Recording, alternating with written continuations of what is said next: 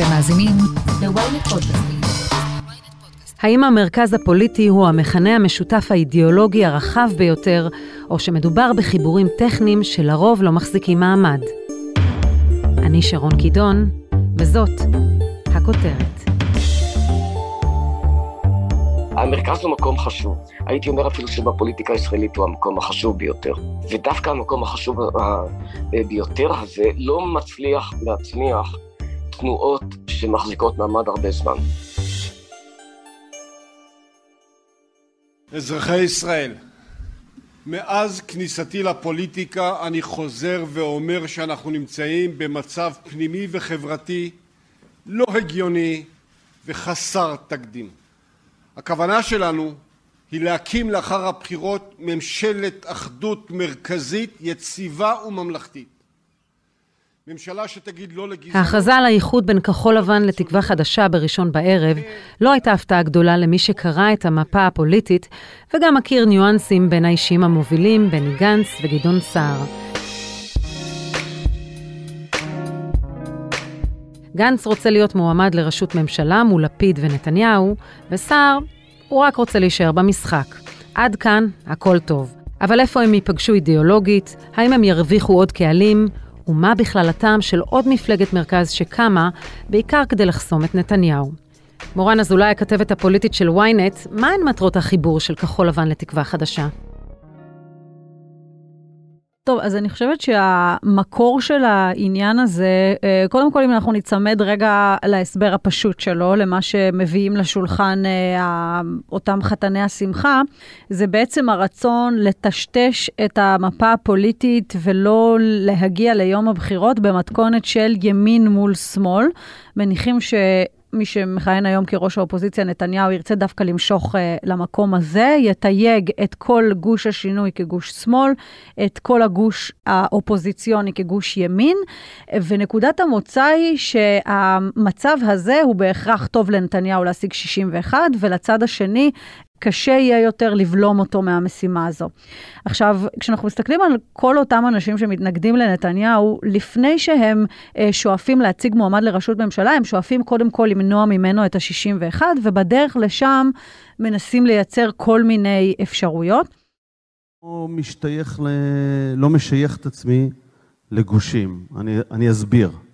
כל התפיסה כרגע אומרת, יהיה 61 לפה, 61 לשם, לא לומדים לקחים מכל הסיבובים שעברנו, אלה שבסופם לא הייתה ממשלה, שזה הרוב, ואלה שבסופם הייתה ממשלה שהחזיקה שנה. היעד, לפי דעתי, צריך להיות ממשלת אחדות לאומית רחבה, שלא נשענת על הקצוות. איך אתה מגיע מי לזה? ששמע את גדעון סער בשבוע אומר. שעבר מדבר בכנס לשכת רואי החשבון באילת, הוא אמר משפט שאולי הניח את התשתית למה שיבוא אחר כך, הוא אמר, מעכשיו אותי אל תשייכו לשום גוש, אני לא שייך. וזה בעצם מביא אותנו לאירוע הפוליטי הזה, שבמסגרתו בעצם מנסה גדעון סער להקים עוד גוש ביחד עם בני גנץ, משהו שיהיה בין גוש ימין לבין גוש שמאל באמצע, עם גוונים לא מאוד ברורים, משום שגדעון סער צבוע בצבעים מאוד ימניים, בני גנץ צבוע בצבעי מרכז-שמאל, ועכשיו בעצם הקרב לשאלתך הוא על מנדטים חונים, על כל אותם אנשים שלא צבועים בצבעים עזים של ביבי ורוצים רק אותו, ולא צבועים בכל אותם צבעים אה, עזים של מקומות אחרים, של מרצ, של מפלגת העבודה. נקודת המוצא היא שיש כל הזמן מנדטים שמסתובבים ככה מתחת אה, לרדאר, אותם אנשים שמצביעים, גם הצבעה אסטרטגית, אבל גם מהבטן ברגע האחרון, עליהם נלחמים. כדי בעצם לייצר את מספר הזהב. מי שידע לעשות את זה, הוא למעשה יפצח את המשוואה הזו. וזה בדיוק העניין שלשמו יצאו להרפתקה הזו. וביחד אנחנו מציגים חלופה חזקה לישראל שמשלבת מרכז ביטחוני וימין ממלכתי. החלופה הזאת טובה בהרבה. מדברת על אה, טשטוש אידיאולוגי, ואנחנו רואים שהם מכנים את עצמם ימין ממלכתי, מרכז ביטחוני. את מוכנה להסביר לי מה זה? זו שאלה טובה. הרבה מאוד ממלכתי אנחנו נשמע בקרוב uh, מהמפלגה החדשה הזו, זה דף המסרים, זה בעצם הרעיון שאיתו uh, יוצאים לדרך. אגב, uh, לטובת מאזיננו נגיד שכל הדברים שיישמעו בימים הקרובים מהמפלגה הזו וממפלגות אחרות, הכל מעוגן בדפי מסרים מאוד מאוד מדוקדקים. כמה אידיאולוגיה יש מאחורי זה, זאת שאלה באמת טובה. ישאל את עצמו המצביע הפוטנציאלי, מה הקשר בין גדעון סער, איש ארץ ישראל השלמה, האיש שתומך בהתיישבות, בהרחבת uh, התנחלויות ודברים מהסוג הזה, לבין בני גנץ, איש שבכלל מגיע מאזורים של מפלגת העבודה, והתפיסת עולם שלו היא אחרת לגמרי, שעד לא מזמן אירח גם את אבו מאזן בביתו בראש העין וניהל איתו uh, שיח. אז זו באמת שאלה, מה המקום של האידיאולוגיה. את ככתבת פוליטית ניסית לברר, כלומר בסוגיות ליבה כמו הנושא הפלסטיני, נושא חוק הלאום, מה הם חושבים? אז גם כאן יש אה, לפחות אה, בשלב הזה תשובות שהן די סתומות. יש אה, הבנה שיצטרכו להתמודד עם כל אותן סוגיות בראיונות ממש בקרוב, אבל למשל על הסוגיה הפלסטינית שאני ניסיתי לברר, אז אמרו, זה נכון, אם יש פערים, אנחנו, אם אנחנו נחפש את הפערים, אנחנו כמובן נמצא אותם, אבל נקודת המוצא באותה פגישה ככה קריטית שעלתה היא ששנינו מתנגדים למדינה פלסטינית, אנחנו גם שנינו לא מאמינים שצריכה להיות כאן מדינה אחת דו-לאומית. מה הפתרון בתווך של הדבר הזה? את מחייכת ולא סתם, כי באמת, אני גם שואלת את עצמי, מה הפתרון לזה? יצטרכו לספק את הפתרונות. להבנתי, לא פרמו את כל סוגיות הליבה, את כל הדברים הנפיצים, אלא בעיקר מביאים לשולחן איזשהו רעיון אה, סביב הכותרת אה, הזו של אה, שינוי, של מה אנחנו בעצם, יותר מה אנחנו בולמים, מאשר מה אנחנו מביאים איתנו. מה אנחנו בולמים? את שלטון נתניהו, את ממשלת הקצוות של בן גביר, של סמוטריץ'. אולי זו האידיאולוגיה, רק לא ביבי ובן גביר? זו האידיאולוגיה של מערכת הבחירות הזו. אה, כל אחד בדרכו. יאיר לפיד אה, יגיד את זה בשמות המפורשים אה, בן גביר וסמוטריץ', גנץ וגדעון סער יגידו את זה בצורה אחרת, יגידו נגד ממשלת קצוות ובעד ממשלה לאומית רחבה. רוצים לומר גם עם החרדים וגם עם מפלגת העבודה ואולי גם מרץ ואחרים, אבל לגמרי סוגיות ליבה שעד היום התעסקנו איתם של ימין ושמאל, לא בהכרח יעמדו כאן לסדר היום. זה גם תלוי מה יקרה עד יום הבחירות, אבל נכון לרגע זה, ובהסתמך על מערכות בחירות קודמות ועל הצבעה אסטרטגית שהייתה, זה מי אה, רוצה את נתניהו, מי לא רוצה את נתניהו, ואיזה סוג של ממשלה אתה היית רוצה לראות מבחינת ה-DNA.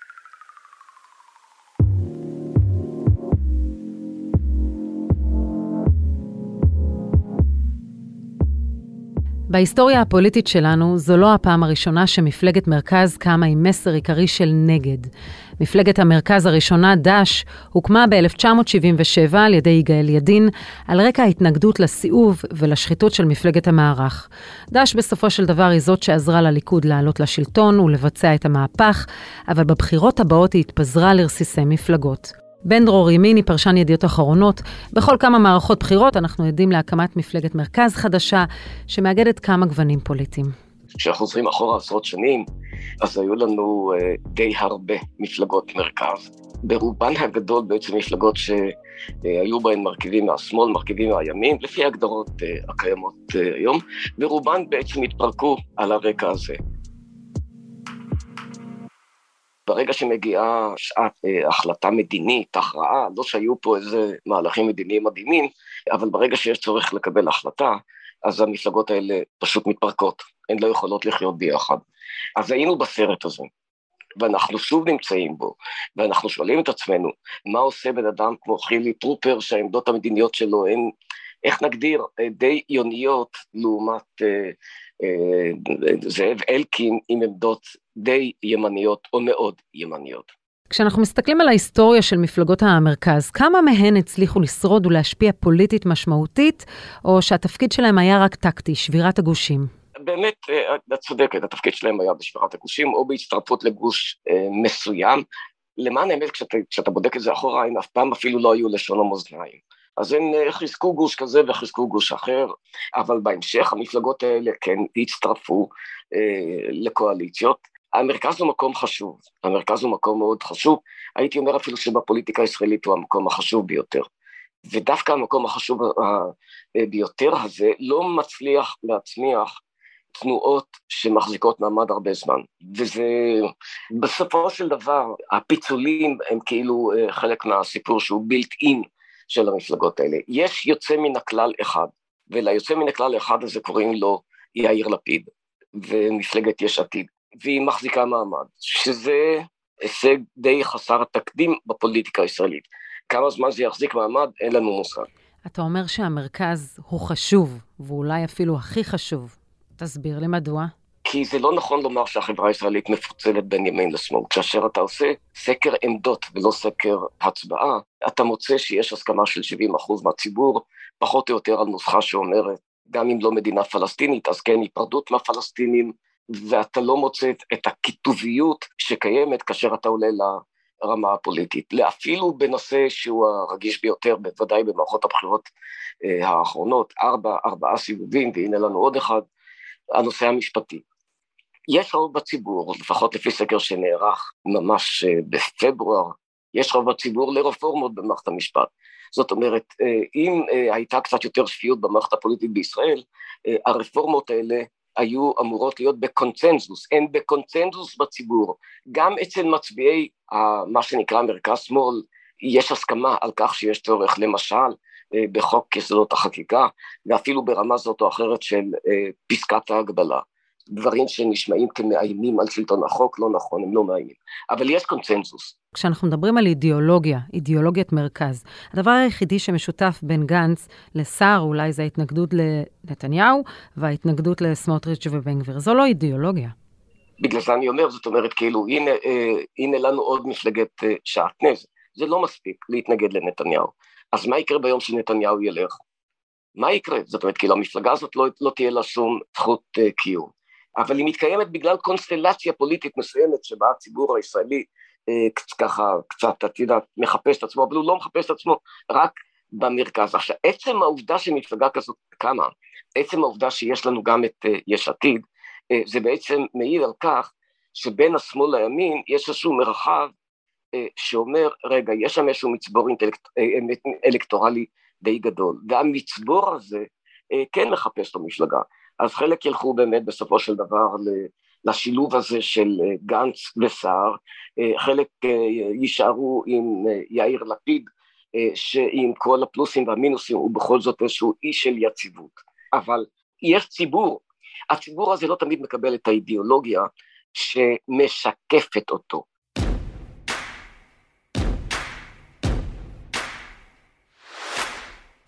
כשאנחנו מדברים על מפלגות מרכז, כמו קדימה של אריק שרון, אני קורא לכל מי שמאמין בכך להצטרף אלינו וללכת קדימה איתנו. שינוי של טומי לפיד.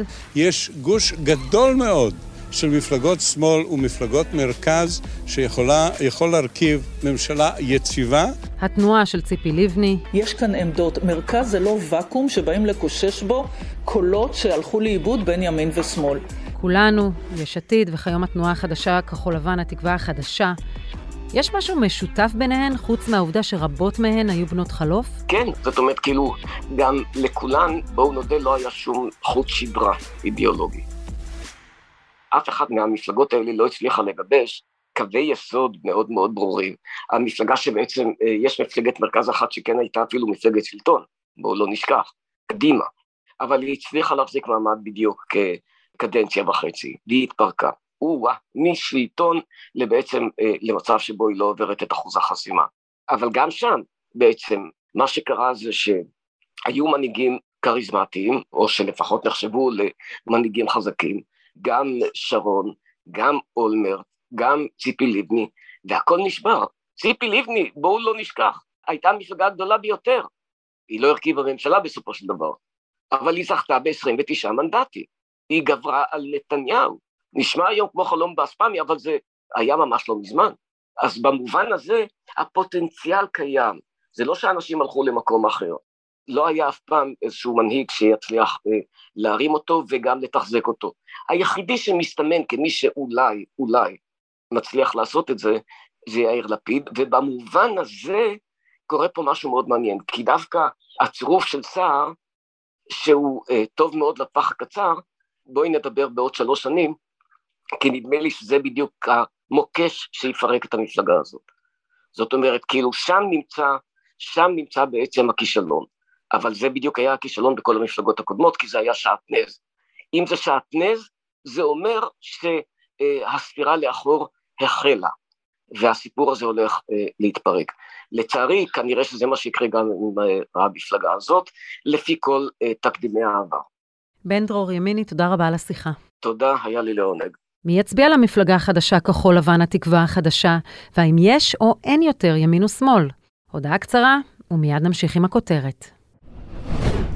שלום, כאן עופר שלח. במדינה שבה יש בחירות כל שנה, במקרה הטוב, ופרשה חדשה בכל שעתיים, מישהו צריך לדבר על מה שחשוב לנו, האזרחים. בכל פרק של האמת היא, אנחנו נשוחח עם דמות בחירה אחרת על סדר היום העתידי שלנו כאן בישראל. שזו דרכי להגיד לכם שנדבר על כל מה שחשוב שהפוליטיקה תעשה בשבילנו, אבל היא לא תמיד עושה, לא ברור אם היא יכולה לעשות. אז תעקבו אחרי העונה החדשה של האמת היא בוויינט, ספוטיפיי או באפליקציית הפודקאסטים שלכם. תבואו, יהיה מעניין. האמת היא, עם עופר שלח. עם עופר שלח.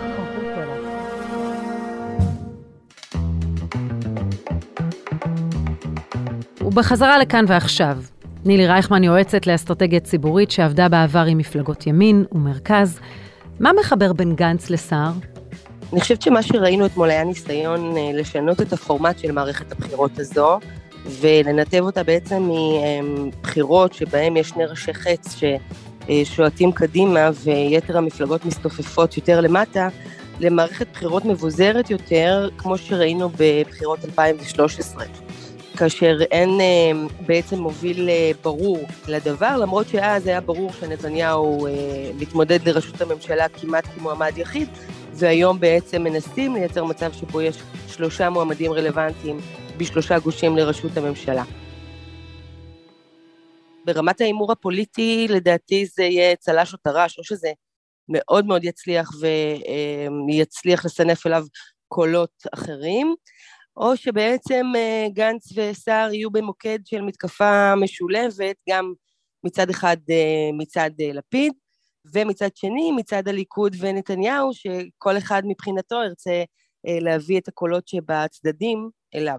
אז איך מחברים באמת בין מרכז שמאל למרכז ימין? אנחנו יודעים שיש נושאי ליבה אידיאולוגיים כמו הנושא הפלסטיני, חוק הלאום, או שהאידיאולוגיה היא רק לא ביבי ובן גביר. זה עוד יותר מזה, אם פורטים את הרעיונות לרמה הפרסונלית, את רואה באמת קיבוצניקים מצביעים כדי להכניס את אלקין uh, לכנסת, קיבוצניקים ששם כחול לבן למשל הייתה חזקה בבחירות האחרונות, הם uh, יזוזו בחזרה לא, אולי למגרש הביתי שלהם, מפלגת העבודה, מרץ, uh, שדווקא יכולים להרוויח מהחיבור הזה, אל תשכחי שגם הם יראו לכיוון המפלגה החדשה הזו, וגם במובן הזה מי שיכולים להרוויח זו איילת שקד, ודרך ארץ, האוזר והנדל, שבעצם נפתח עבור המרחב בתפר שבין הליכוד למפלגת כחול לבן התקווה החדשה. מה הפוטנציאל האלקטורלי שלהם? למי הם פונים? האם הם מול יש עתיד? האם בוחרי נתניהו שהתאכזבו? האם יכול להיות שמול מפלגת העבודה במובן מסוים? אני לא בטוחה שהם מצאו לעצמם את ההגדרה המדויקת של פילוח הקהלים, כיוון שגם במסרים אתמול ששמענו משניהם, עיקר המסר היה מאבק אל מול אה, קריסת הדמוקרטיה, במובן הזה הם יכולים להסכים ויכולים להסכים עם לא מעט מפלגות. אני לא בטוחה איפה הבידול שהם יצליחו ליצור מעבר ליכולת ליצור אה, גשר אל המפלגות החרדיות למשל, ולייצר אה, ממשלת אחדות. אני חושבת שהם זיהו קהל שאומר, תעזבו אותנו כבר מהסבבים הבלתי נגמרים שלכם, תקימו ממשלה יחד ותניחו לנו לארבע שנים הקרובות, לשם הם מכוונים בעיקר. האיחוד הלא שגרתי הזה, שמסמן מרוץ משולש לראשות הממשלה, הביא כמובן לתגובות של המתמודדים הנוספים על הכתר, יאיר לפיד ובנימין נתניהו. אפשר לומר שהתגובות מסמנות את האסטרטגיה של כל אחד מהם כלפי הרשימה החדשה.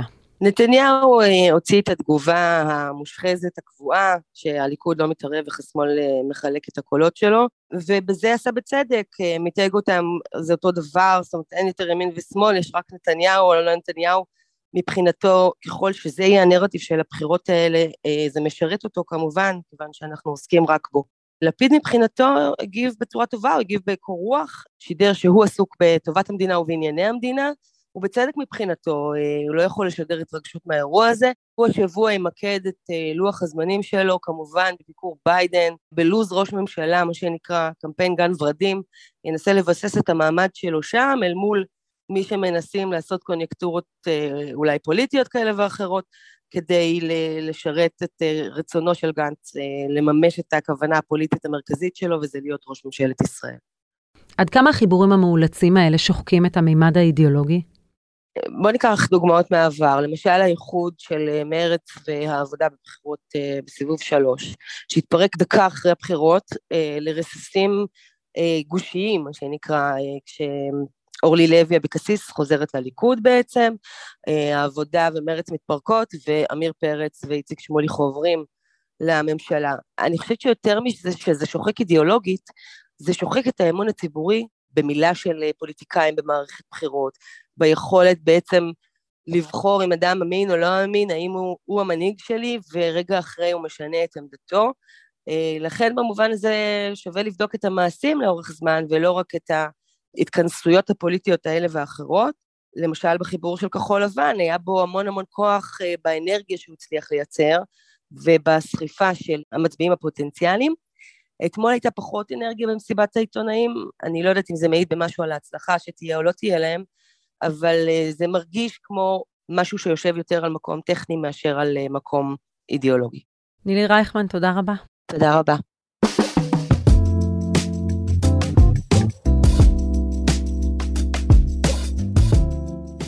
מורן אזולאי בחזרה אלייך, האם זה שקמה מפלגת מרכז עם ניחוח ימני, זה בהכרח מזיז את יש עתיד יותר שמאלה תפיסתית? האמת שכן, גם uh, דפי המסרים של יש עתיד גם מזהים את ההזדמנות הזו ובעצם רוכבים עליה, משום שהבוקר כל uh, חברי יש עתיד שמתראיינים מתבקשים uh, בעצם להגיד, זו מפלגת ימין. והמטרה בתיוג הזה של גנץ וסער כמפלגת ימין זה לפנות את המרכז-שמאל ליאיר לפיד, האיש שבעצם רוצה ככה להשתלט אה, על השטח הזה של המפה הפוליטית. אני לא יודעת אם יש הנחת רווחה אצלו מהדבר הזה, זה לא דבר אה, שהוא היה רוצה אותו. שיהיה כאן עכשיו קרב תלת ראשי, שמצטרף עכשיו בני גנץ, לפי הסקרים אה, למספר דו-ספרתי יחד עם גדעון סער, זה לא היה בקלפים של יאיר לפיד כשהוא יצא לאירוע הזה. אבל כן, יש כאן איזשהו זיהוי של הזדמנות, של מי שיכול להיות מנהיג בלתי מעורר של מרכז אה, שמאל. גם דיברנו על יאיר לפיד שבעצם חתר קצת שמאלה אה, בחודשים האחרונים, גם בגלל יועצים שהוא הביא וצבועים מאוד מאוד חזק בצבעי שמאל, ומכירים היטב את השמאל הישראלי. אני רק אתן דוגמה של יועצת אחת, מאיה בן גל, כשהיא הגיעה, מישהי שנטועה במחנה הזה, אני שאלתי את עצמי האם לשם הוא בעצם חותר, ולא רק זה, הוא בעצם לקח על עצמו את תיק מנסור עבאס בקדנציה הזו וטיפל בזה באופן צמוד, וגם הצמיד אנשים מטעמו שיטפלו אך ורק ברע"מ, ובעצם הידק את הציר שלו עם הרשימה המשותפת ויצר קשרים, ולכן ההערכה היא שבאמת הוא פונה יותר שמאלה, הם פונים יותר ימינה. בידי ציטוט מה-28 לינואר 2019, גדעון סער מצייץ, גנץ אומר אין יותר ימין ושמאל, אבל יש ימין ויש שמאל והם תמיד יהיו. ימין ושמאל צריכים לקיים ויכוח נוקב על הדרך מתוך כבוד הדדי. איפה זה? זה נדחק קצת לשוליים בחסות uh, הרעיון הגדול, משאל העם הזה שמתקיים פה כבר uh, שלוש או ארבע שנים סביב נתניהו. ונדמה לי שגם גדעון סער, כמו אחרים, נע על הציר, ואם ככה יעמתו אותו עם האמירות האלה, אז הוא בעצם, וניסינו, הוא בעצם תמיד יחזור לנקודת ההתחלה. נכון, אבל את כל סוגיות הליבה שאני הבטחתי במערכת הבחירות הקודמת, אני קיימתי, כי הבטחתי לא לשבת עם נתניהו ולא ישבתי, הבטחתי שהסיפור של הסטטוס קוו יישמר ושמרתי, נשארתי איש ימין אידיאולוגי וכולי. אז כמו גדעון סער, גם לאחרים, הארכיון מספק לנו פרנסה בשפע לגבי כמעט כולם. אולי יש פוליטיקאי אחד, לדעתי, שאני יכולה להגיד עליו שהאמירות שלו במערכת הבחירות זהות, זה סמוטריץ', האיש שמראש אמר את אותם דברים וגם פעל לפיהם. הוא לא מתפשר. הוא לא מתפשר. אבל זה נורא קל בקצוות. נכון.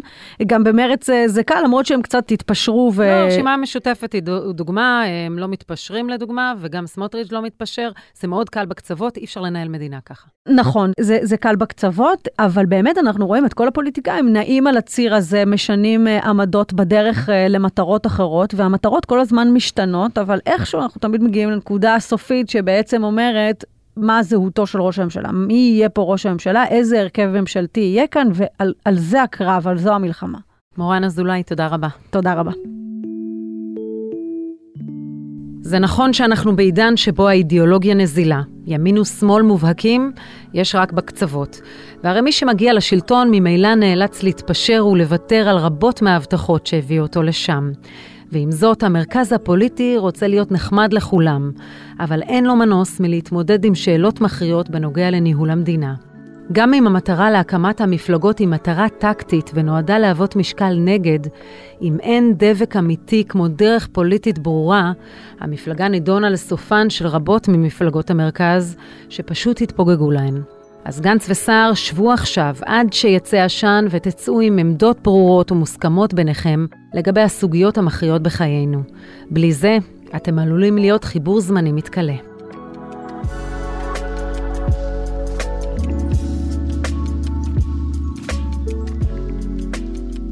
עד כאן הכותרת להפעם. אתם מוזמנים לעקוב אחרינו בוויינט או איפה שאתם שומעים את הפודקאסטים שלכם. אם זה קורה באפל או בספוטיפיי, אתם מוזמנים גם לדרג אותנו ולהאזין לפרק נוסף שלנו על מערכת הבחירות. חפשו את הפרק הדילמה של בני גנץ. דברו איתי בקבוצת הפייסבוק פודקאסט להמונים או אצלי בטוויטר, וכמובן אל תשכחו לשלוח את הפרק לחבר או חברה שעדיין לא שמעו את הכותרת של היום. עורך הפודקאסטים הוא רון טוביה, תחקיר והפקה טס גדות, עריכה וארכיונים גיא סלם, על הסאונד ניל שפירא וחגי בן עמי. אני שרון קידון, ניפגש בפעם הבאה.